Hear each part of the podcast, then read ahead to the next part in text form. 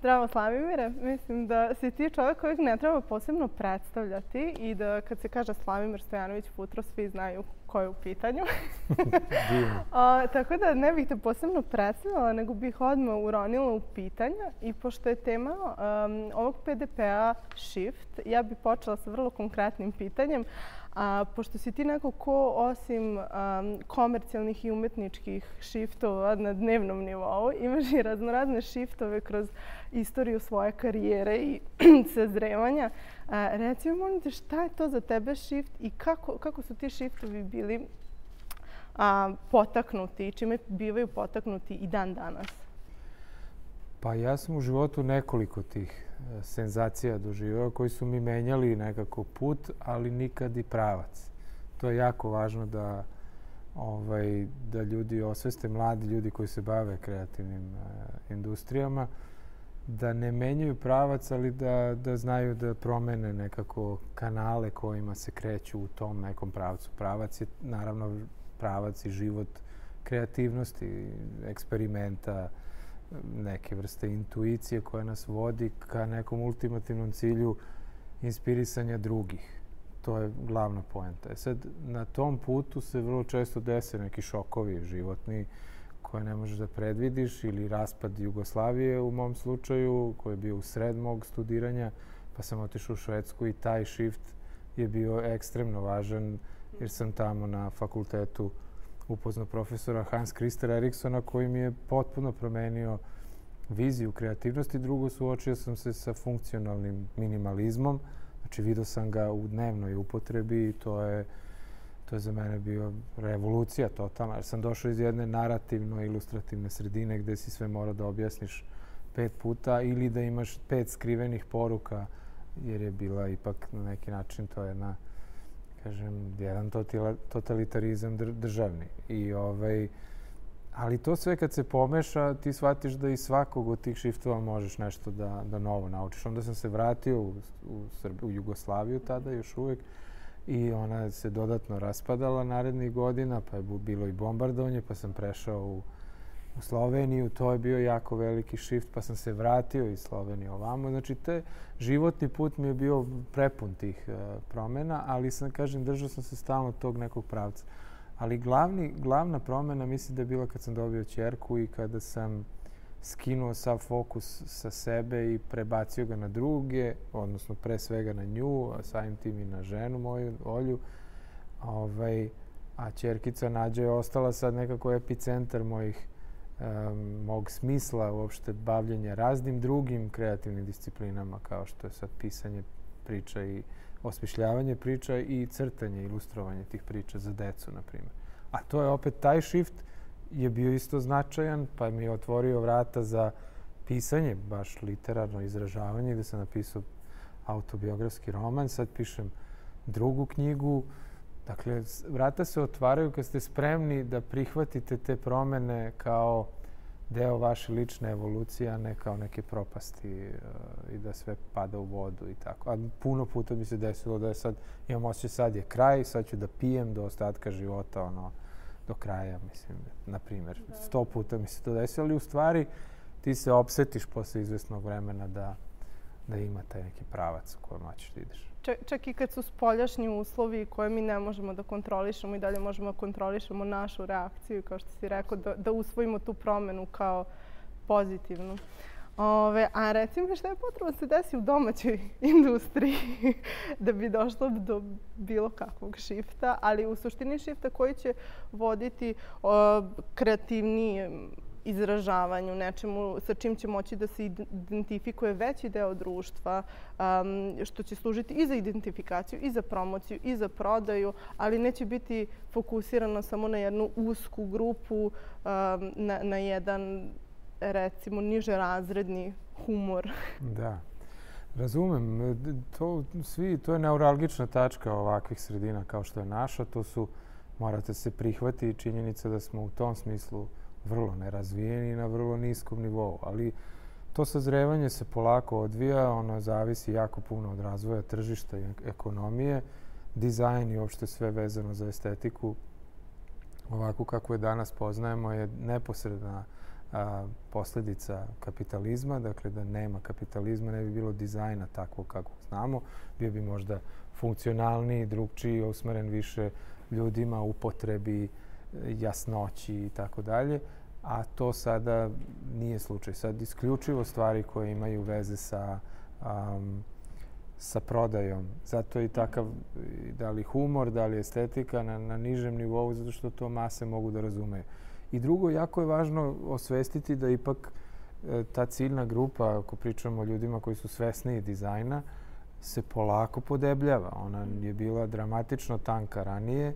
A, ono što, što se nama desilo su ti neki, opet ponovit ću, ti shiftovi, pogotovo 90. kad se jedna država raspala, jedan sistem vrednosti se raspao. Prešli smo u tranziciji i dalje ovo društvo između socijalizma u kapitalizam i tu nisu napravljeni neki rezovi konkretni, nego se pustilo da bude mutno da bi ovi koji znaju u tim vodama da plivaju, da bi uživali. Evo sad već su 30 godina se nauživali i sad će neki od njih shvatiti da ne mogu da se a, dalje napreduju njihovi biznisi bez dizajna i oni, ti isti ljudi, su se transformisali polako, dobili decu koja sad studiraju na polju, putuju, pa ta deca će verovatno ovom društvu da donesu neki estetski boljitak. Problem je samo što tu mi živimo u jednom veoma površnom shvatanju estetike i onda ovaj, još plus ovaj bombardovanje ovih ovim društvenim mrežama i poruka koje su vrlo, vrlo površinski, stvarno na nivou totalnog zaglupljivanja. Ovaj, nažalost, to mora isto neko vreme da prođe.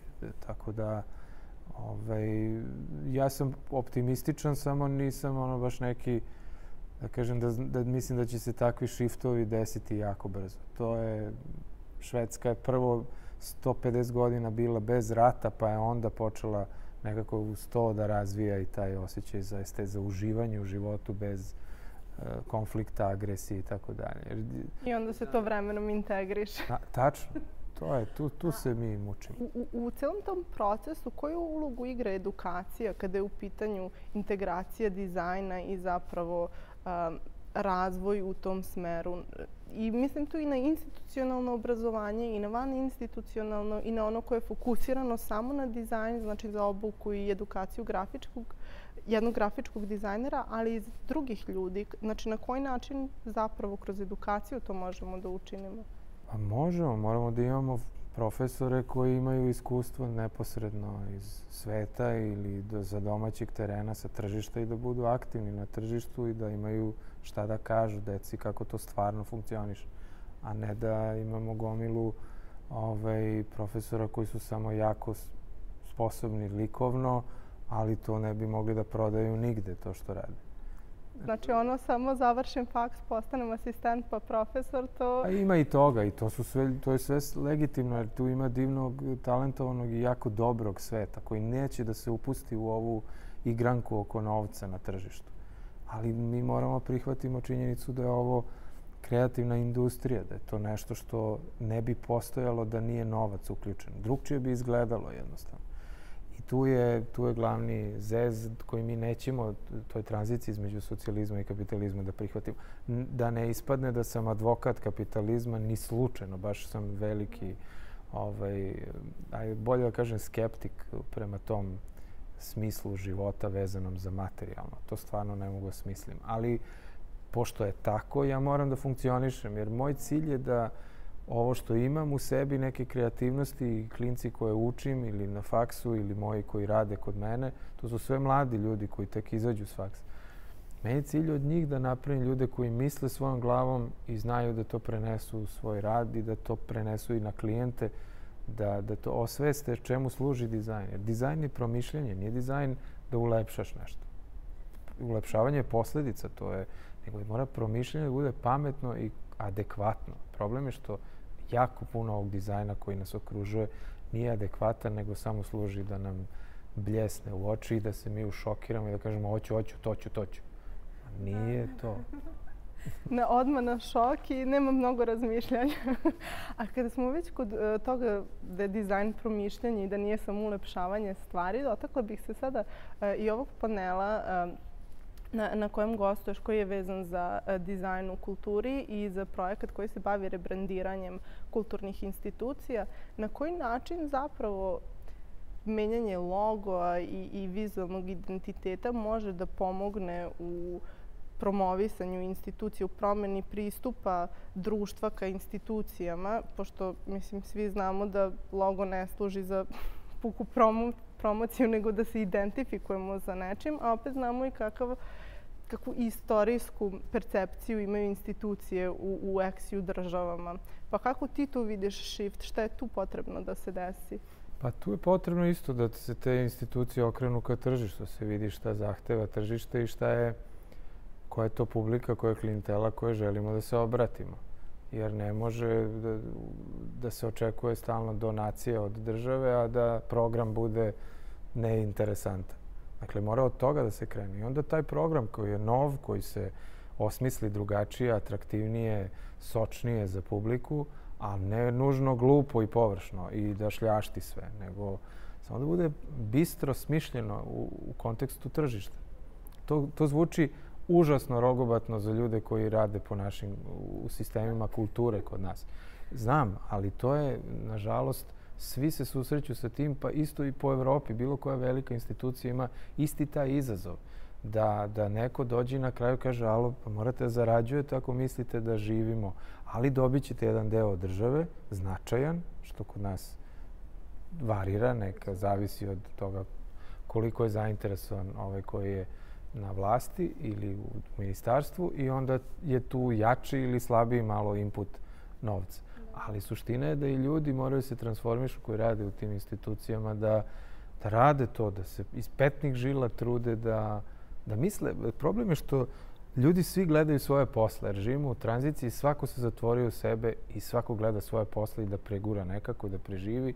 Čim neko novi uleti s novim idejama, da je skloni ga ima, mora previše ću morati da radim ako ovaj prođe ove sve njegove ideje. Tako da to je isto jedan igranka bez prestanka. Ali, s druge strane, to je jedna neumitna, e, doći će do toga da će jednostavno, ako postoji neka institucija, makar bila državna i stoprocentno donirana, ona mora da ima zanimljiv program da bi bar jedan čovek ili osoba, mislim, ušla u to, da, u tu instituciju. E onda to kad se osmisli, tek onda se pravi dizajn i branding i tako dalje. Jer taj branding u stvari označava Osim što si lepo rekla da nije promocija, dizajn logotipa, nego logotip je identifikacija. Isto tako i taj branding služi baš tome, da identifikuje novi, a, novu, novu substancu koja je uneta sad sa tim okretanjem, shiftom prema kad kaže tržište, ponovit ću, znam da zvuči rogobatno, ali u stvari to je okrenutost ka nekome koga to može da zanima. To je tržište. Nije to neko ko ima pare da ti plati, nego mora da ga zanima. Da, ali mora da ga Što si u tome da svi, kompletno čovečanstvo, mora da bude okrenuto drugom čoveku, drugoj osobi, drugima. Sa svim talentom koji imaš ili znanjima ili profesijom koju si osvojio, ti ako to ne usmeriš na drugog, džaba si krečio 20 godina studija nekih ili iskustva, džabe, džabe. Ako ti sad uzmeš samo i gledaš koliki je tvoj kolačić i koliko si, ne znam, otišao puta na more godišnje, mislim, to stvarno smejuri. A živimo, nažalost, u tome. Da, umesto deljenja. Sad ono, kokoška pitanje, da, je, da je u pitanju rebranding našeg celog društva i, i nacije. Kako bi to izgledalo da ti radiš na tom shiftu, da si ti onaj koji vodi taj program? I da zapravo mi postanemo neko ko je a, okrenut jedan drugima, ko, za, ko zapravo želi da bude zainteresovan i zainteresovan je za kulturu, za dizajn, nije zainteresovan samo za ono što traje dok traje šok, dok traje požuda. Da. Pa ja sad moram da krenem ovako da kažem da je u svaki projekat ima smisla samo ako u njemu ima suštinske neke istine. Dakle, moralo bi da se iščeprka šta je to što je naša istina suštinska, po čemu smo mi to specifični ne drugima, nego sebi, da priznamo, da prihvatimo činjenicu zašto smo. Mnogi od nas znaju da smo u svetu nismo najomiljeniji, da smo očajno uradili PR i nismo se potrudili da imamo bolji jer smo pravili neke probleme. E, uslovno rečeno, dakle, nažalost smo bili na lošoj strani medija ovaj, tokom 90-ih. I to ispraviti je posebna žurka. Ali ono što je suštinska istina da je ovaj, ovo podneblje, ne samo Srbija, nego svi ovi, ovi narodi ovde, su nekako suštinski imaju odolevanje. Imaju odolevanje zubu vremena, traumatičnim događajima, stalnom diskontinuitetu istorijskom i stalnom ispostavljenosti e, nekim istorijskim događajima koji su na nedeljnom nivou. I onda je taj duh, taj otpor je vrlo, odnosno prkos. Znači, mi smo ovde uprkos okolnostima ozbiljno ima potencijala baš zato što smo uprkos. E sad, to je, može da se shvati kao negativan kontekst, a može da se shvati i plasira kao najpozitivniji mogući kontekst. Jer je trenutno svet kakav je sa okrenutosti novcu je ovaj, zreo za prkos. Ali sad da mi glumimo Che Guevara i Kubance, takođe neće niko to. Neće niko žrtvuje sebe i svoj život za neke ideje koje su e, plemenite više. Ali ono što možemo da probamo je da prihvatimo činjenicu šta smo, ko smo i da odatle krene rebranding, jer to nema, mislim da sad uzmemo da napravimo novu zastavu države ili novi, da kažemo, slogan Srbije, uglavnom to ide preko turističkog ovaj, ministarstva turizma, to ni, ništa tu nema, e, znaš, tu, tu kad gledaš onda previše se onda okreneš tržištu i kažeš ko smo mi na tržištu, a ne pitaš se ko smo mi.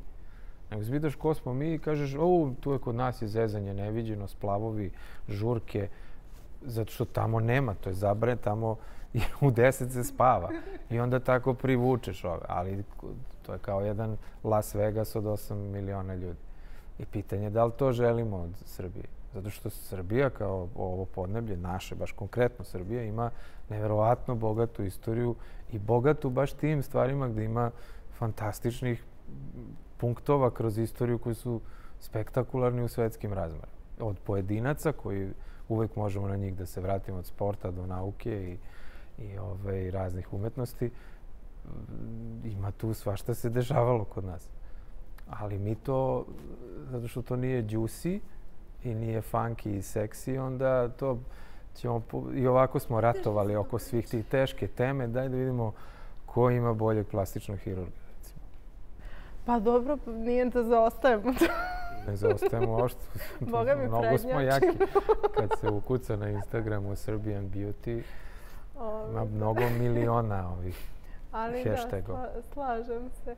Ali a, sada kad smo se dotakli ove, i ovih beauty momenta a, koji su opet vezani za konzumerizam i za to kako se pasira i, i kapitalizam kod nas i, i konzumerizam svega.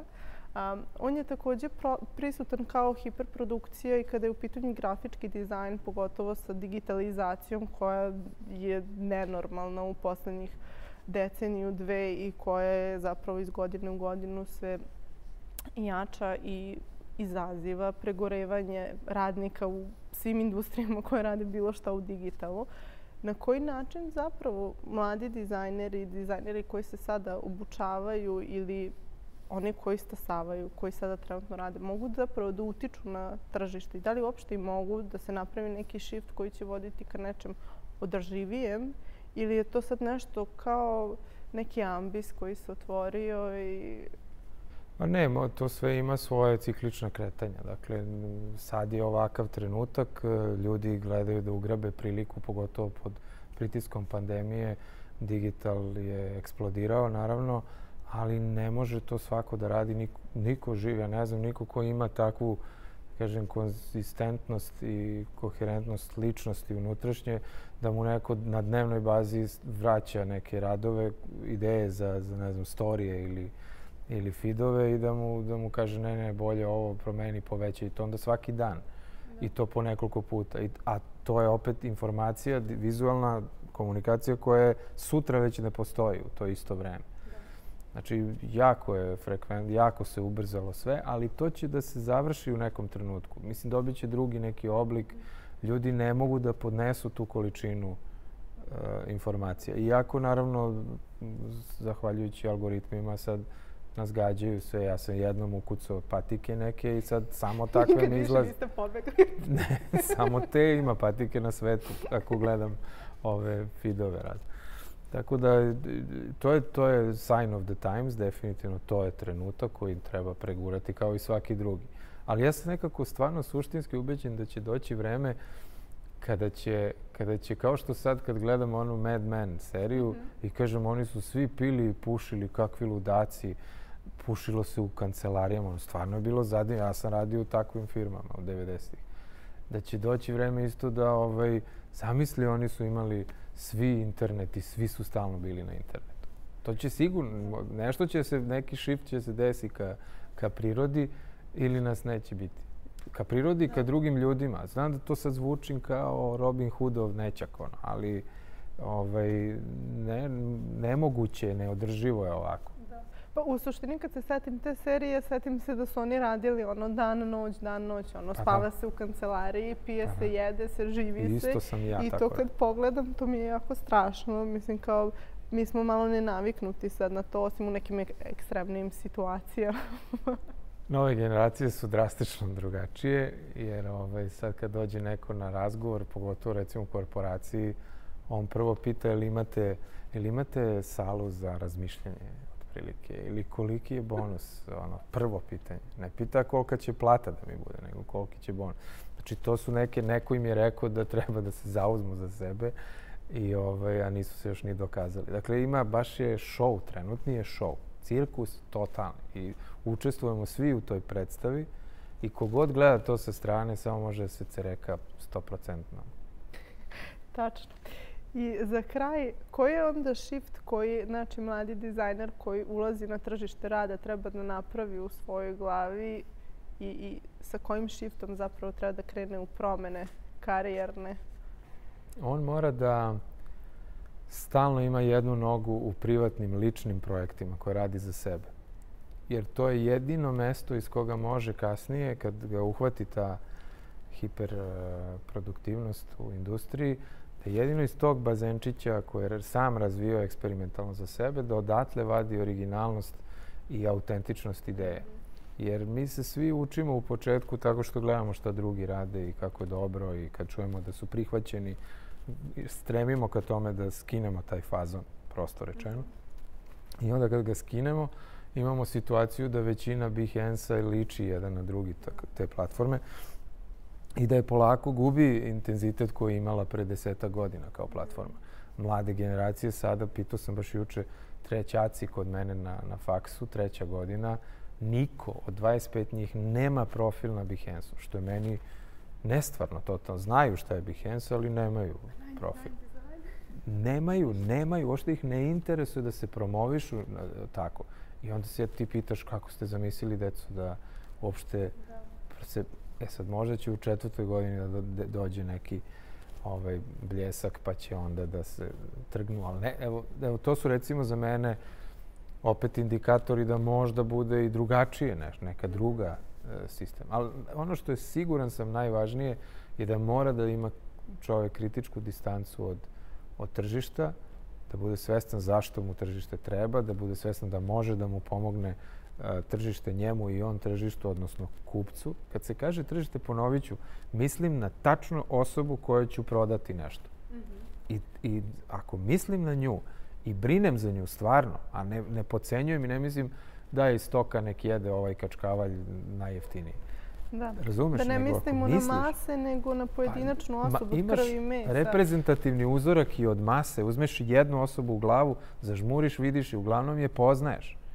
I zamišljaš da radiš za tu osobu. I zamišljaš kez na licu ako vidi nešto što je plemenito. Da. Nema druge. To je sad, naravno, fantaziranje, ali ja to u suštini radim. Tako radim kad pišem, znam tačno koje osobi pišem. I o izboru te osobe s kojom komuniciraš, imaginarne osobe, zavisi od te sposobnosti, zavisi koliko će ti biti plemenit ili upečatljiv ovaj, da, da. rad, uspešan na tom tržištu. Problem je što ljudi kad kažeš tržište, definitivno menjaju, ovaj, zamene se teze pa misle da je to nešto, neka mašina, neka, nešto otuđeno od ljudi. Ne, tržište su samo ti i ovi drugi ljudi kojima se obraćaš, gde se dešava razmena. U našem slučaju se dešava razmena kreativne energije i emocije neke koje, koje treba da ih razdrma, da misle svojom glavom. To je, to je poenta. E sad, problem je što neki veliki klijenti, velike sistemi ne žele da mnogo se misli svojom glavom, jer onda će da im utekne jedan deo prihoda. Tih, pa da, jedan deo tržišta, odnosno ljudi. Ali možda će drugi deo tržišta da dobiju. Meni je simpatično Nema, kako o tome ne, se ne razmišlja. niko ne rizikuje ništa, pogotovo u stanju COVID-a. Ovom niko, osim ovi koji baš imaju novca, oni sad imaju još više će imati, jer oni jedini mogu da ulažu, da, da budu malo slobodniji. I to je tako, jednostavno, opet se bogate ovi najbogatiji. Bogati se bogati. Hvala ti mnogo na, na divnom razgovoru i uh, korisnim odgovorima. I hvala na odvojenom vremenu.